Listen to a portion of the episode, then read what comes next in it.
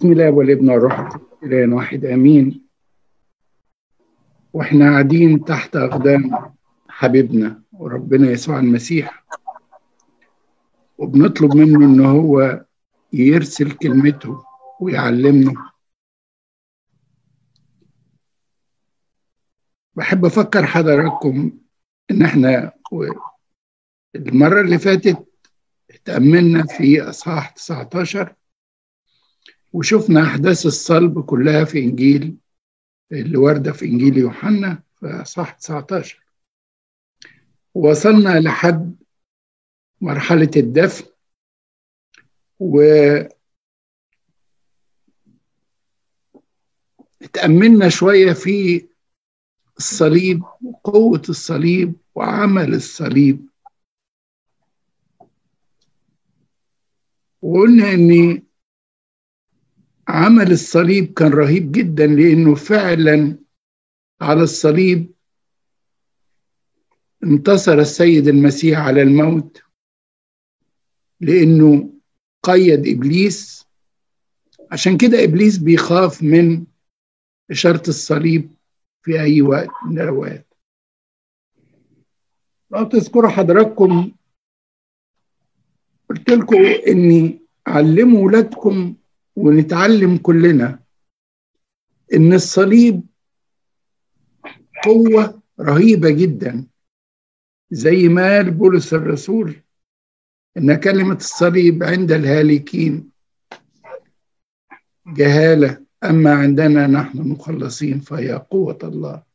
قوة حقيقي. الصليب بيعمل معجزات مع كل إنسان له إيمان. أن من صلب على الصليب هو الله الكلمة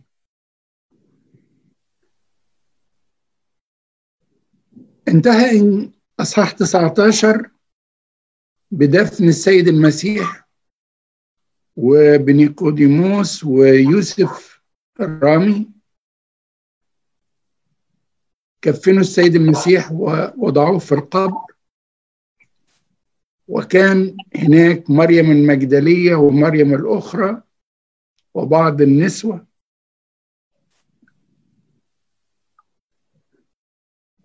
وشافوا القبر ومكانه واستراحوا يوم السبت. وفي يوم صباح الأحد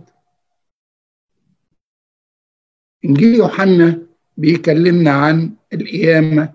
في أصحاح عشرين. برضو علشان نتكلم في القيامة ما نقدرش نتكلم في القيامة بعيد عن الأربع أناجيل يعني بعيد عن إنجيل متى وإنجيل مرقس وإنجيل لوقا. ونذكر معاهم إنجيل يوحنا اللي إحنا هنتأمل فيه النهارده وهندرس الجزء بتاعه.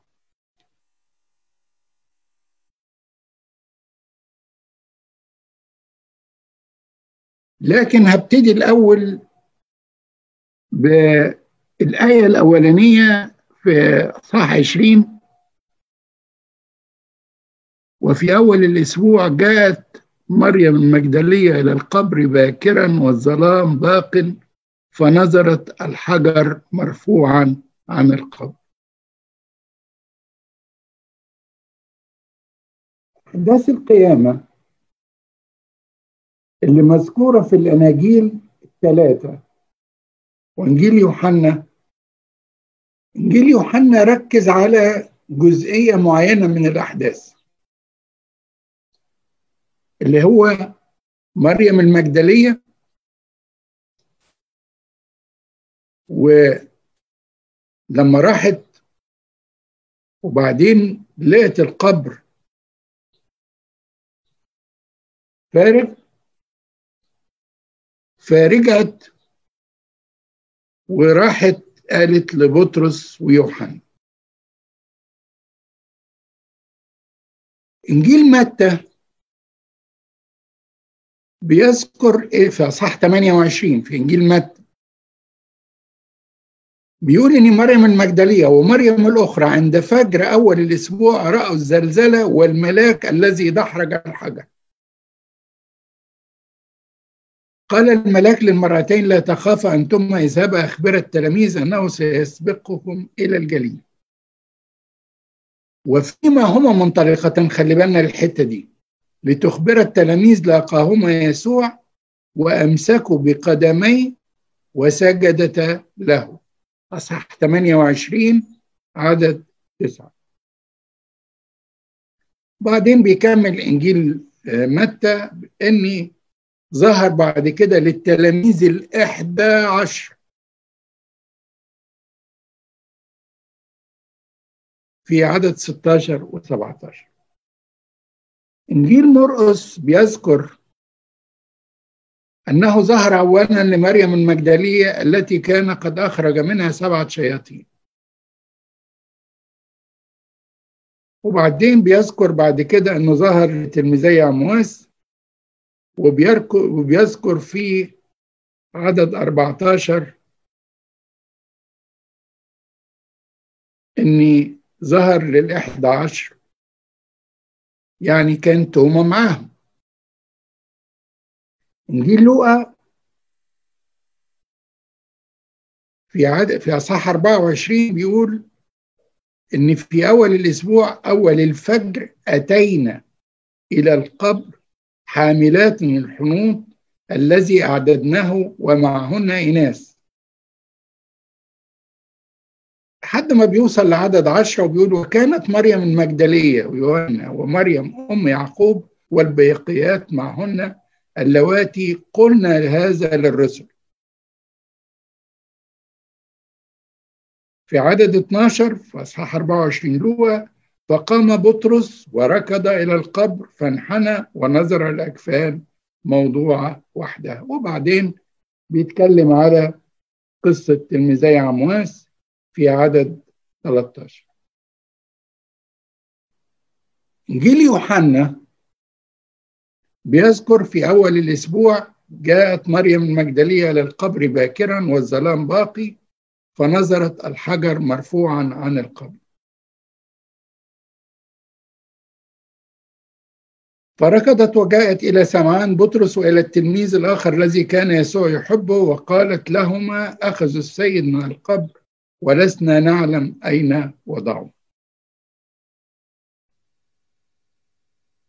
أنا هقف بس عند الحتة دي علشان في بعض الناس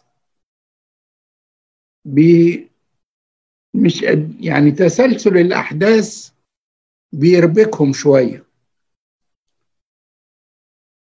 الحدث الوحيد المؤكد هو القيامة. قام من الأموات في فجر الأحد. مين اللي راح الأول ومين اللي شاف ومين التاني ومين التالت؟ يعني مفسرين كتير حطوا يعني اجتهادات إنما مؤكد إن الأول من رآه هو مريم المجدلية. مريم المجدلية وكانت معاها النسوة كانوا رايحين ومعهم الحنوط والظلام باقي. وكانوا بيفكروا هم شايلين الحنوط إن مين يدحرج ليهم الحجر. هم عارفين مكان القبر لأنهم فضلوا واقفين لحد ما كفنوه ودفنوه ومشيوا. فهم عارفين مكان القبر. مريم تأملات أحد الكتاب المفسرين بيقول إن مريم كانت عارفة طرق أورشليم فكانت سريعة جدا. هم ماشيين كلهم مجموعة فهي من كتر حبها سبقتهم وراحت للقبر وشافت الملاك رجعت بتقول للمريمات مريم الأخرى اللي كانت معاها وظهر ليهم السيد المسيح وأمسكتا بقدميه وسجدت له. فلما رجعوا للتلاميذ وقالوا لهم الخبر التلاميذ قالوا لهم أنتوا بتحلموا أنتوا أنتوا متهيالهم أكيد شفت روح ولا حاجة لا. فشكت مريم ورجعت تاني. بطرس ويوحنا راحوا معاه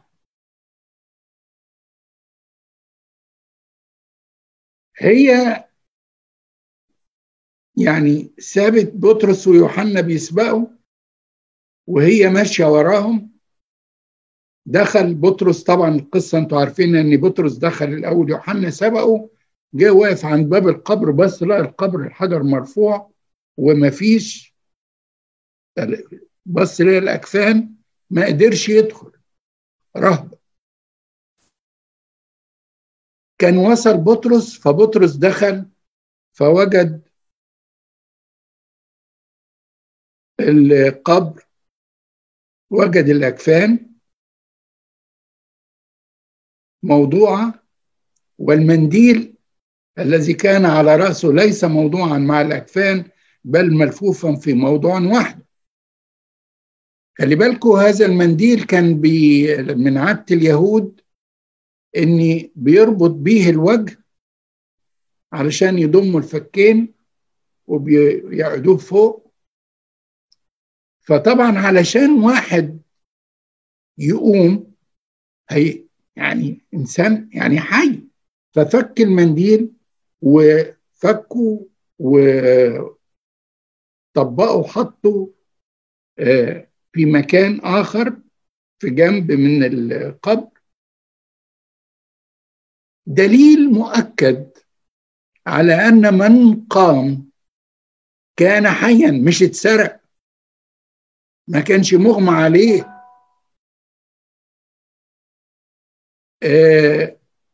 ما كانش يعني مش عايزين نقول بس التكهنات اللي بتتقال إنما هو الإله الحقيقي قام بجسده من الأموات وفك المنديل ووضعه. بعض المفسرين بيقولوا إن الأكفان كانت الأنبوبة زي ما هي لأن لما كان بيتلف وبيحط الحنوط فكانت الحنوط بتمسك في الأكفان ثالث يوم مع الحرارة ومع الرطوبة بتلبش فبيبقى الجسد آه، متغلف بأنبوبة من القماش. فازاي خرج من هذه الأنبوبة؟ إله عجيب. ودخل برضه من الأبواب بعد كده دخل من والأبواب مغلقة. حينئذ دخل يوحنا وراءه آمن. لاحظوا إن بطرس ويوحنا راحوا ومريم المجدلية معاهم. لما شافوا المنظر بطرس ويوحنا حصل ليهم رهبة. دهشة عجيبة. إيه المنظر؟ المنظر خلاهم نسيوا مين؟ معاهم نسيوا مريم المجدلية. فمريم كانت خارج القبر تبكي.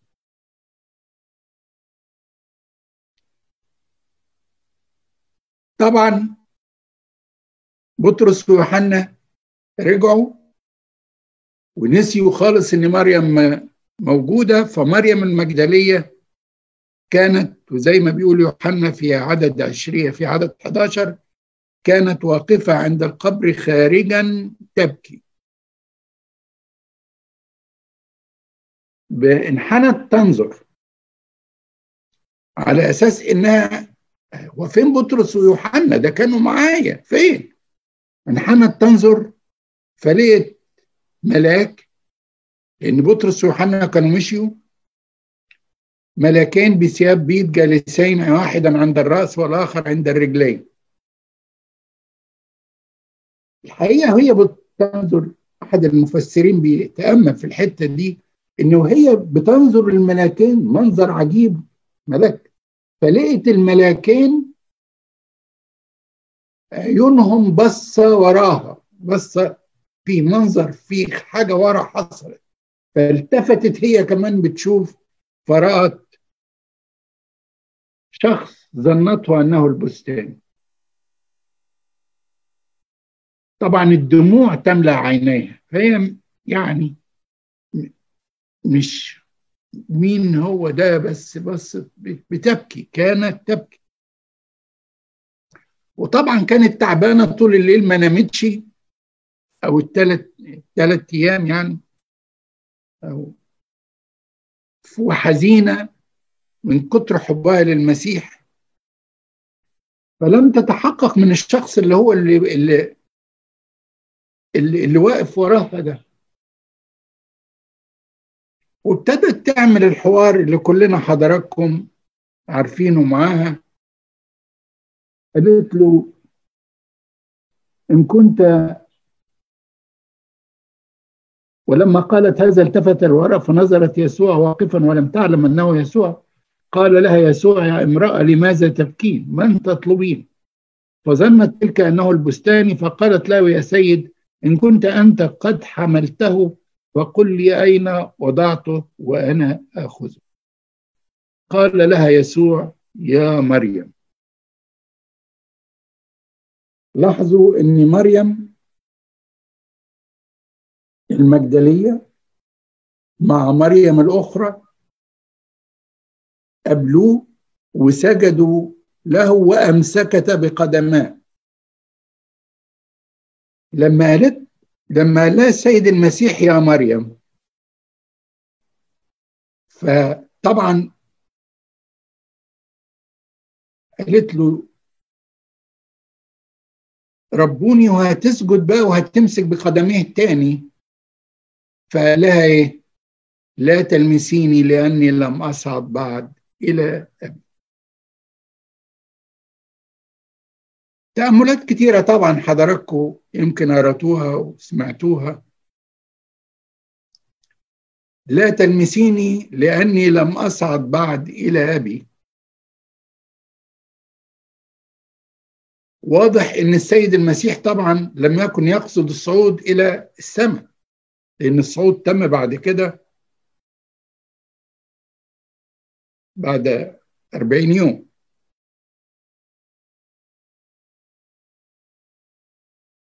لأنه لما بيقول لها لم أصعد بعد إلى أبي طب وهو لما هيصعد للسماء هل هتلمسه تاني؟ لكن هو كان المقصود أنه لم أصعد بعد في فكرك إلى مستوى أبي. وما زلت يا مريم تظنين أني إنسان عادي. وليس لي المقدرة أني أقوم بذاتي. ده أنت يا مريم من شوية قابلتيني. من شوية مش كتير. خلي بالكم إن المسافة جوه أورشليم في الوقت ده كانت قصيرة جدا واللي يزور منكم يعني القدس. هيلاحظ إن المسافات بين القبر وبين المدينة وبين البيوت وبين المسافات قصيرة جدا قريبة جدا يعني. لا تتعدى ماشي مثلا 10 دقائق ربع ساعة ماكسيموم نص ساعة يمكن. فهو يقول لا ده أنا أنت من شوية قابلتيني أنت ومريم الأخرى مريم ومسكت بقدمي طب شككتي ليه ورجعتي تاني ليه؟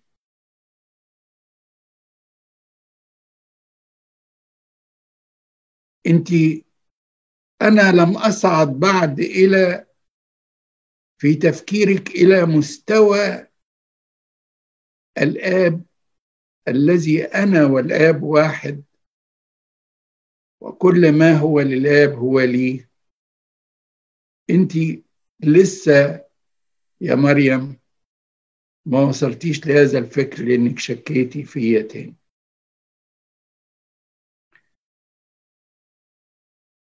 أنا هقف عند دي وأقول لحضراتكم كتير جدا بنقف إحنا ونقول له نفس التصور. أنت فين يا رب؟ أنت فين يا رب؟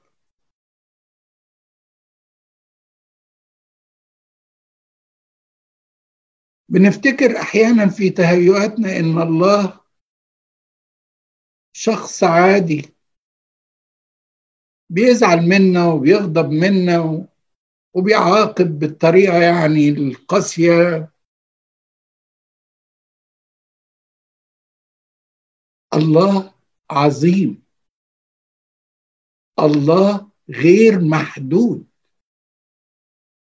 من حوالي أسبوع تقريبا كان في حوار بين على أحد القنوات في مصر بين عمرو أديب وبين رئيس معهد العلوم الفلكية وكانوا بيتكلموا على موضوع الثبات الشمسي وال... فالراجل مدير معهد الأرصاد الفلكية قال إن هناك من المجرات البلايين البلايين وسبحان هو بيقول كده وسبحان الخالق أن هذه المجرات تتحرك بنظام هندسي دقيق ومعقد. العلم مش قادر يتوصل إزاي هذه المجرات بما داخلها من نجوم وكواكب بتتحرك. الله عظيم. وعلى فكرة إذا كنا نبص لهذا التأمل ونبص له ونقول يا رب أنت اللي بتدير الكون كله والكواكب والمجرات دي تهتم بينا إحنا البشر وأنا الب... الإنسان الضعيف تهتم بيا. إيه الحب ده؟ وفعلا زي ما يوحنا قال هكذا احب الله العالم. حب. الله قادر على كل شيء. الكرة الأرضية دي بالنسبة له حاجة بسيطة جدا.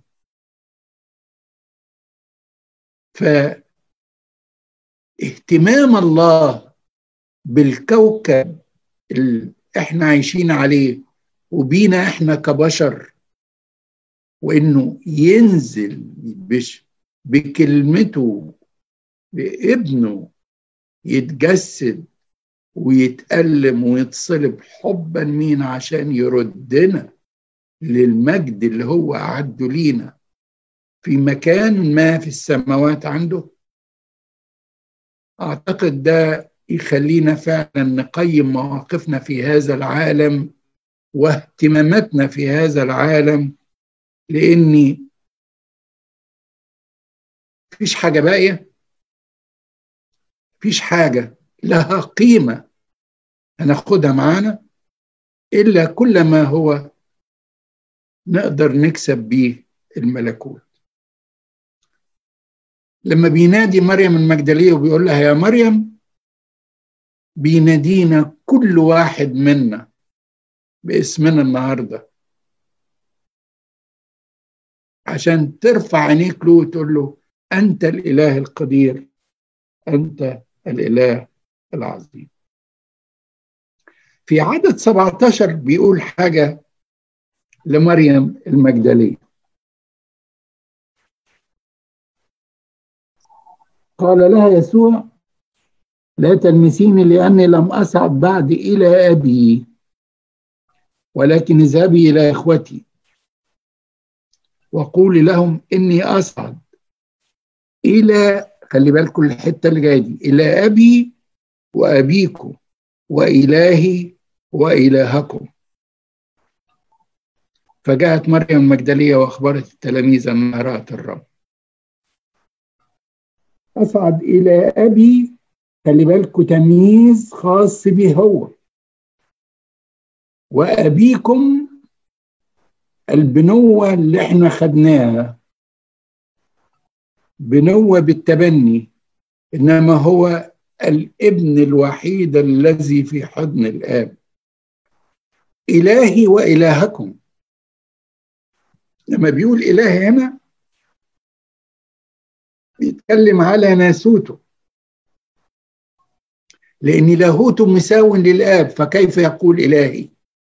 إنما بيتكلم هنا عن جزء الناسوت. ودي على فكرة الآية بتوضح تماما. أنه إله متجسد في الناسوت. إله كامل لاهوت كامل. عشان كده بيقول أبي. لما بيقول إلهي اتكلم على جزء الناسوت. اللي بينكروا أن السيد المسيح ليس هو الله واللي بيشككوا فيه أعتقد لو تأملنا في هذه الآية إنه بيقول لهم أبي وأبيكم وإلهي وإلهكم. ما قال لهمش أبونا وإلهنا لأن هناك فرق بين أبوته لا الآب أبوه وإن إحنا بنقول أبونا السماوي. أبونا السماوي بالتبني أنما هو مولود من الآب. بعد كده ظهر السيد المسيح ودي على فكرة ركز عليها.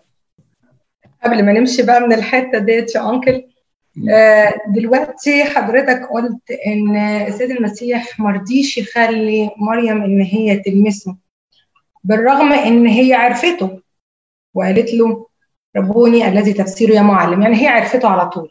مجرد ما قال لها يا مريم. ومع ذلك رفض إن هي تلمسه.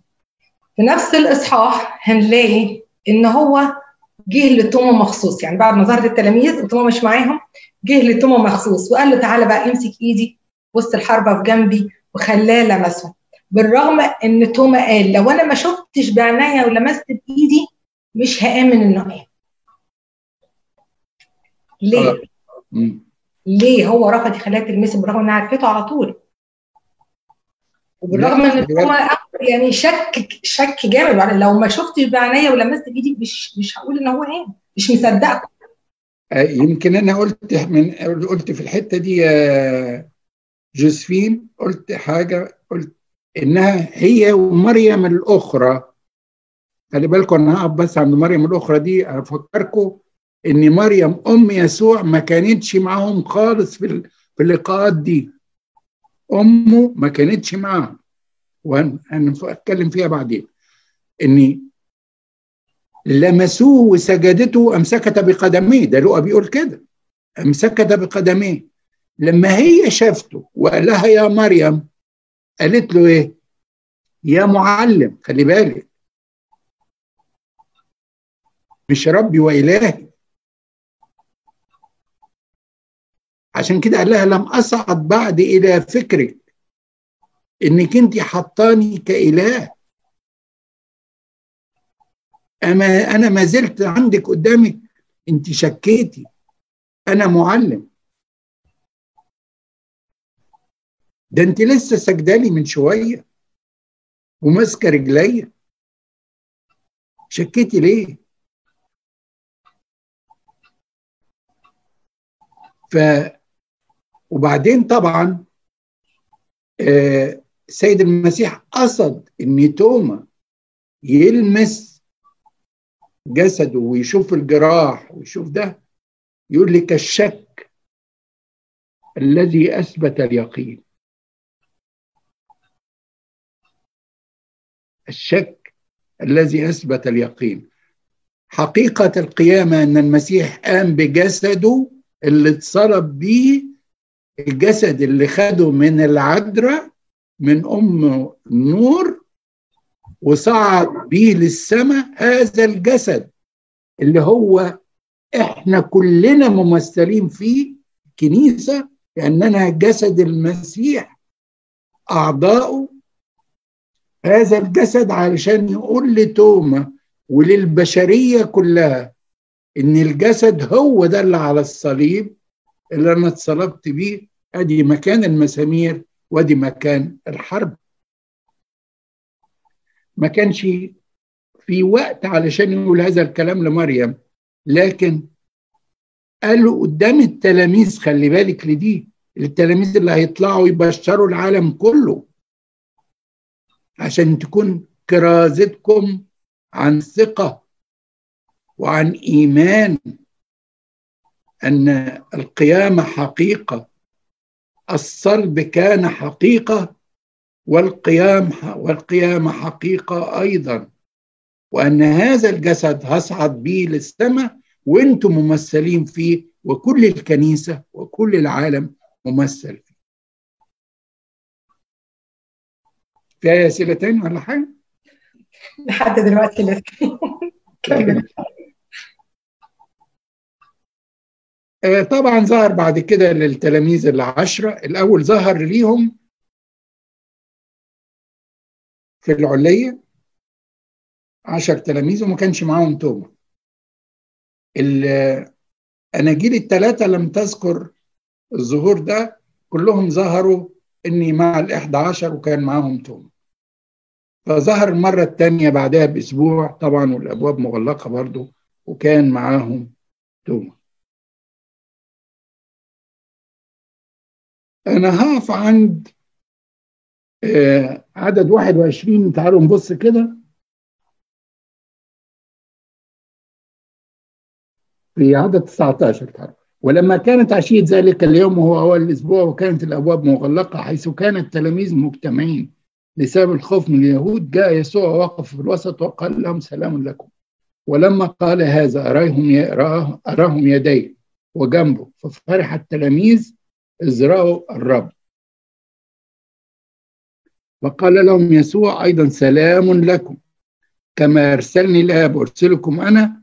ولما قال هذا نفخ وقال لهم اقبلوا الروح القدس. من غفرتم خطاياه تغفر له.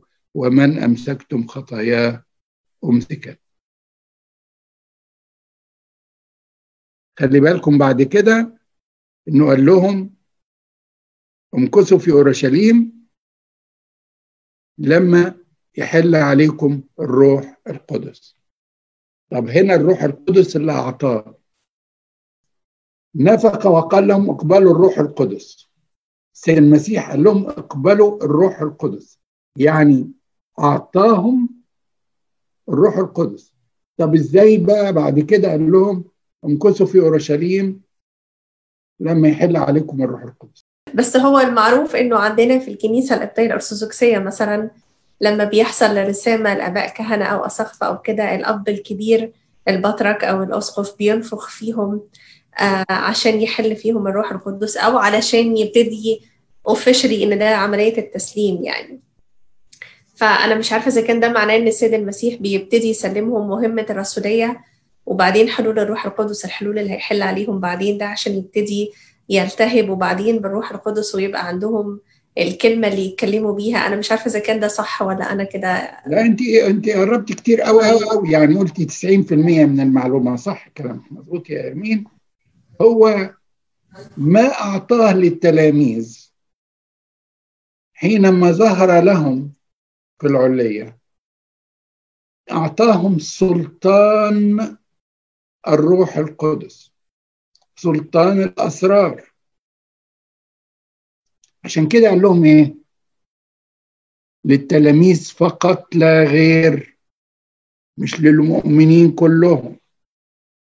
من غفرتم خطاياه تغفر له ومن أمسكتم خطاياه أمسكت يا ريت اللي عايز يتعمق في الحتة دي يرجع لكتاب الكهنوت اللي كتبه البابا شنودة. وبيتكلم على السلطان اللي أعطاه السيد المسيح غير الروح القدس اللي أعطي يوم الخمسين وده حل على جميع الموجودين المؤمنين وبمواهبه وبثماره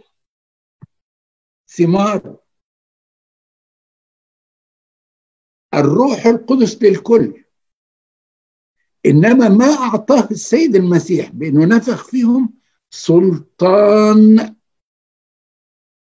سلطان التعليم والكهنوت وممارسة الأسرار الجسد والدم والمعمودية وخلافه آه واضحة ولا محتاجة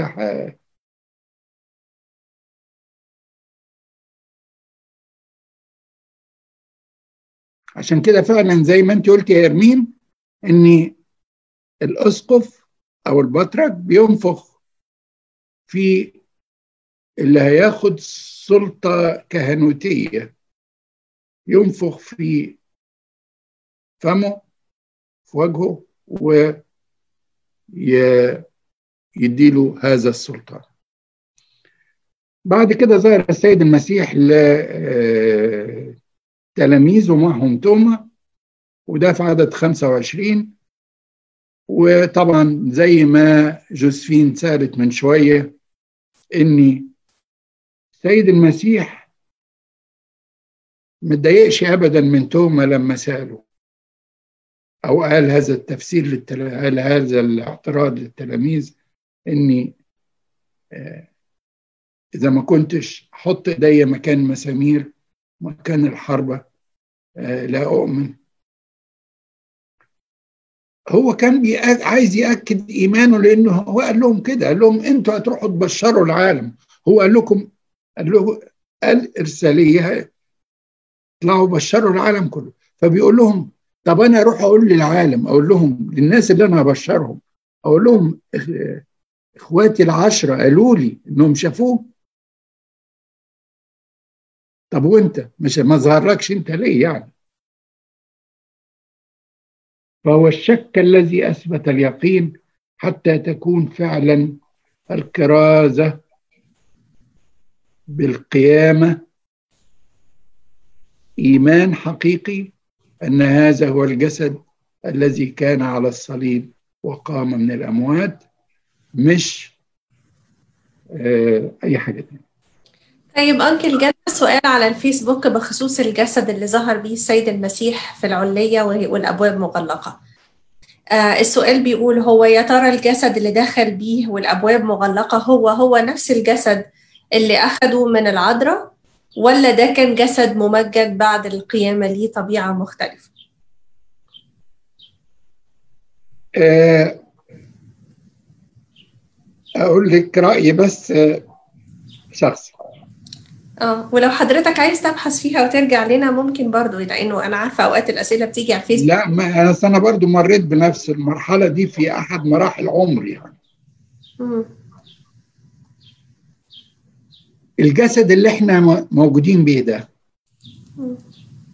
له من القدرات العجيبة والرهيبة الكامنة فيه لكن ما تظهرش دلوقتي بدليل بدليل أن هناك من القديسين والقديسات السواح اللي بينتقلوا من مكان لمكان دون أن يراهم أحد أو يبقى ماشيين معاهم وما يلاقوهمش وحصل مع ناس أصدقاء ليا كانوا فعلا مع أحد السواح راهب من الرهبان ركب معهم العربية والعربية البنزين خلص قال لهم حط إيده كده على التابلو قال لهم كملوا.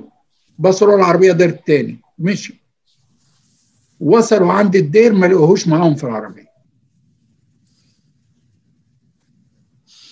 وهو راهب. هو كان نازل بيعمل خدمة معينة ورجع المهم يعني. اللي حصل معهم الحادثة هم اللي حكوا هذا المنظر.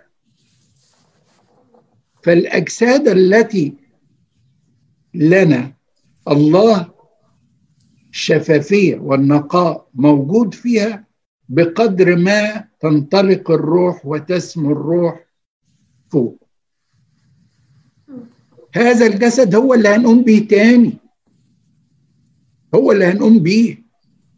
وهذا الجسد هو الجسد اللي هيبقى ممجد. آه مش هيجوع ولا يعطش ولا له الشهوات العالمية لكن جسد ممجد. فالجسد الذي قام به السيد المسيح هو الجسد الذي أخذه من السيدة العذراء بالمقدرة اللاهوتية وبالروحانية العالية جدا يستطيع هذا الجسد أن يخترق كل حدود. فهو جسد حقيقي وهو الجسد الذي أخذه من العذراء بما فيه من آثار الصلب والعذاب والآلام موجودة فيه وهو اللي صعد بيه للسماء. عشان كده بنقول إحنا إيه؟ لينا في السماء مكان. لينا في السماء مكان محجوز لينا. لأننا في جسده. لأننا في جسده. علشان الوقت بس. في حاجة تانية حضرتك؟ فيها ربنا يخليك أسئلة تانية. في عدد 30 و 31 من هذا الأصحاح الحقيقة هو ده كله كان هدف البشارة بتاع إنجيل يوحنا. في عدد 30 بيقول إيه يوحنا؟ وآيات أخر صنع يسوع قدام تلاميذه لم تكتب في هذا الكتاب. خلي بالكم. طب كتبت فين؟ في كتب أخرى. في أناجيل تانية. يقول أنا ما تعرضتش ليها. لم يتعرض للتجسد. الميلاد وتفاصيله والمجوس. لم يتعرض لسر التناول بالتفاصيل بتاعته. لم يتعرض لأشياء كتير المعجزات كتير عملها السيد المسيح. لكن ركز على حاجات مهمة جدا. ان هنشوفها بقى في عدد 31 وأما هذه فقد كتبت لتؤمنوا أن يسوع أن يسوع هو المسيح ابن الله. يسوع المخلص. الذي تجسد. هو الله. ولكي تكون لكم إذا آمنتم حياة باسمه. الجزء الأولاني أن يسوع. الذي ولد بالجسد من السيدة العذراء هو المخلص وهو المسيح أو المسيح المنتظر الذي هو ابن الله الذي هو الله مساو للآب بلاهوته ثانيا في الآية دي بقى أن كل من يؤمن باسمه ويحمل اسمه يصير ابنا وتكون له حياة وحياه أبدية. حياة أفضل من هذه الحياة لأنه قال جئت لتكون لهم حياة وحياة أفضل. هو ده مضمون كتاب إنجيل يوحنا كله أنه لتؤمنوا أن يسوع هو المسيح ابن الله ولكي تكون لكم إذا آمنتم حياة باسمه ده بيدينا أمل بيدينا فرح. بيدينا رجاء. إحنا أولاد مين؟ إحنا مكاننا فين؟ إحنا في جسده. أعضاء في جسده. لما بنتناول وبناخد جسده ودمه. بنثبت فيه. من يأكل جسدي ويشرب دمي. يثبت فيا وأنا فيه. لأن جسدي مأكل حق ودمي مشرب حق. أحبائي اللي ما تناولوش يتناولوا. اللي بعاد عن التناول يتقدموا للتناول باستحقاق. عشان ينالوا هذا المجد أن يكون لهم نصيب في جسد المسيح ودمه. وهذا الجسد هو الموجود في السماء يشفع فينا. أمام الآب. جلس عن يمين العظمه أنتقل لاصحاح 21 عشان بس الوقت لأن فيه لسه البانوراما ولسه فيه أسئلة. إحنا النهارده هنقعد للصبح كده ولا إيه يا أرمين؟ مش كده؟ زي بعض في العشاء عليا النهارده. اصحاح 21 هو اخر اصحاح في إنجيل يوحنا. وهو الظهور على بحر طبريه الاصحاح ده عجيب شوية لأن حاجة تستغربوش إن بطرس بعد ما شاف السيد المسيح أربع مرات وظهر له شخصيا وظهر لصفا زي ما بولس بيقول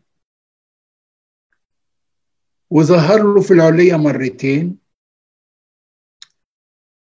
قال بطرس واخد ستة من أصحابه التلاميذ وبيقول لهم تعالوا أنا أذهب لأتصيد. يعني رايح يتدلع شوية يعني. ده انت بطرس قال لك على هذه الصخرة أبني كنيستي. وإنك أنت قال لك قبل كده إني هتصير صياد للناس. إيه اللي حصل؟ أول ما المسيح غاب عنك فترة كده تعالوا بقى نرجع نصطاد تاني ونجيب أكل للعيال لبيوتنا ده أنت أكبر واحد في وسط الست السبع الست تلاميذ التاني يعني الموجودين يعني هم كانوا سبعة وهو أكبر واحد فيهم سنا وأنت أكبر واحد كان السيد المسيح بياخدك في لقاءاته إيه الحكاية؟ وشفت في العلية ولمست وكان معاكم. إيه اللي حصل؟ خطورة إن القائد يكون معسر. واخد الستة معاه تعالوا نصطاد. هل أصيب بإحباط وتراجع؟ محدش عارف. ولكن كل ما يعمل يعمل للخير. ما فيش سمك مسكوه الليلة دي. خلاص؟ هو اللي عايز عايز يعلمه درس. في الصباح ظهر ليهم يسوع على الشاطئ وما عرفوش. ما عرفوش يمكن عشان كانت لسه فجر والدنيا لسه يعني شقة شوية مش شايفينه. ولأنهم أصابهم اليأس مش مصطادين مش ناقصين يبصوا ويشوفوا. ولا لأن عينهم بقت بشرية فلم يستطيعوا أن يروا النور الحقيقي الممجد الجسد القائم به. لأن القلب والروح يدركان كل ده وارد. فسألهم هل معكم إداما؟ إداما يعني معكم أكل يعني سمك تاكل يعني؟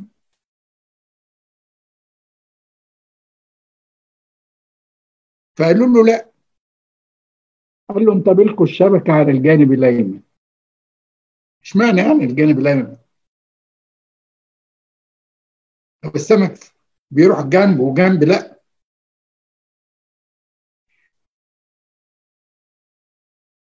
الحقيقة الرموز كتير قوي في هذا هذا الحادث يعني. الجا اولا كان سفينة واحدة. الحادث ده اتكرر في إنجيل لوقا اصحاح خمسة. لما ترجعوا ليه اتكرر كانوا سفينتين وبرضه ظهر لهم واصطادوا كتير سمك كتير قوي رمى الشبكة ما لهمش لا يمين ولا شمال فكادت الشبكة أن تتخرق ف إنما هنا السيد المسيح سفينة واحدة والجانب الأيمن. سفينة واحدة ترمز للكنيسة الواحدة. الجانب الأيمن أن كل الذين يدخلون شبكة الكنيسة هم في الجانب الأيمن. يجلسون عن اليمين في مجد اللي معد لينا هناك. تأملات حلوة أوي أنا عايزكم أنتوا تقعدوا تتأملوا فيها وتركزوا فيها. إن طلعوا السمك وقعدوا يعدوه له 153 ده معناه إن كل اللي دخلوا الشبكة بالعدد مهتم بيهم التلاميذ بيهتموا بيهم والسيد المسيح بيهتم بيهم. عدوا السمك فعدوه. 153 وطبعا الأرقام أنا مش هدخل بس عشان الوقت لأن لسه قدامنا حاجات تانية عايزين نتكلم فيها. إنما سمك كان كبير كان مليان. خلي بالكم الصغير لا ده سمك كبير. لأن الشبكة كانت جامدة وبيشدوها فكان تأثيرها كبير عليهم. وزنهم كبير زي وزن كل واحد منا في الشبكة بتاعت الكنيسة. له وزن له مكانة مكانة عظيمة. انت ليك مكانة عند ربنا كبيرة قوي. اوعى تفتكر ان ربنا مش باصص ليك صغير كبير رجل امرأة كله. انت ربنا عينه عليك ومهتم بيك وحضنك جواه في الشبكة بتاعته بيقول لك تعالى على يميني لأن الخراف هي اللي هتبقى على يميني. مش هقارن بين اللي حصل في إنجيل لوقا وده كان في بداية الخدمة واللي حصل مع إنجيل يوحنا في نهاية بعد قيامة السيد المسيح ونهاية خدمته على الأرض الجسمانية الجسدانية. طلعوا من السفينة. خلي بالكم إن بطرس طبعا رمى نفسه بقى ما استناش الحب بقى كله ما استناش المركب لما تمشي ببطء وتدخل تقرب للشاطئ إنها بتهدي طبعا. هو راح رامي نفسه وراح نازل. الحب مالي قلبه. ما هموش. يغوط في المية وراح. نزلوا التلاميذ وراحوا معاهم بطرس. لقوا سمك مشوي وخبز على جمر. لسه سخن. وجبة جاية من السماء. سمك جاي من السماء مشوي. وجمر موجود وخبز. إيه الحب ده يا رب؟ ومع ذلك السيد المسيح قال لهم إيه؟ هاتوا من السمك اللي اصطادوه إحنا جايبين سمك يعني على قدنا. اهم 153 سمكه آه يعني على قدنا. أنت حاطط لنا سمك مشوي جميل وخبز وبتقول لنا هاتوا من السمك بتاعكم. آه. إمكانياتكم الصغيرة أنا عايزها. بفرح بيها قوي المسيح عايزك بكل بكل صغيرة عندك. بكلماتك البسيطة اللي تقولها في الصلاة. بكلمات يا أحبائي الله العظيم الأبدي. مدبر هذا الكون كله. في مجده وعظمته بيسكت الملائكة عشان يسمعنا. إحنا بكلامنا الضعيف اللي إحنا مش عارفين نقوله. قدموا من السمك. قدموا من القليل اللي عندكم. وخلي بالك يا بطرس ما تفكرش ترجع تاني. تفكر هتجيب لولادك إيه وتاكلهم إيه. أنا عندي اكل جاهز اهو. انت انت ناسي ان أنا أقدر اكلك واغذيك واكل بيتك. واشبع الجموع دول الخمس تلاف. انت ناسي ان أنا اشبعت خمس تلاف ومرة أربع تلاف؟ رايح تصطاد يا يا بطل ده أنا قمت وشفت مجدي. أنت شفت مجدي وشفت. رايح تصطاد تاني وأنا عايزك أنت تروح تصطاد الناس. الشر ما تحملش الهم.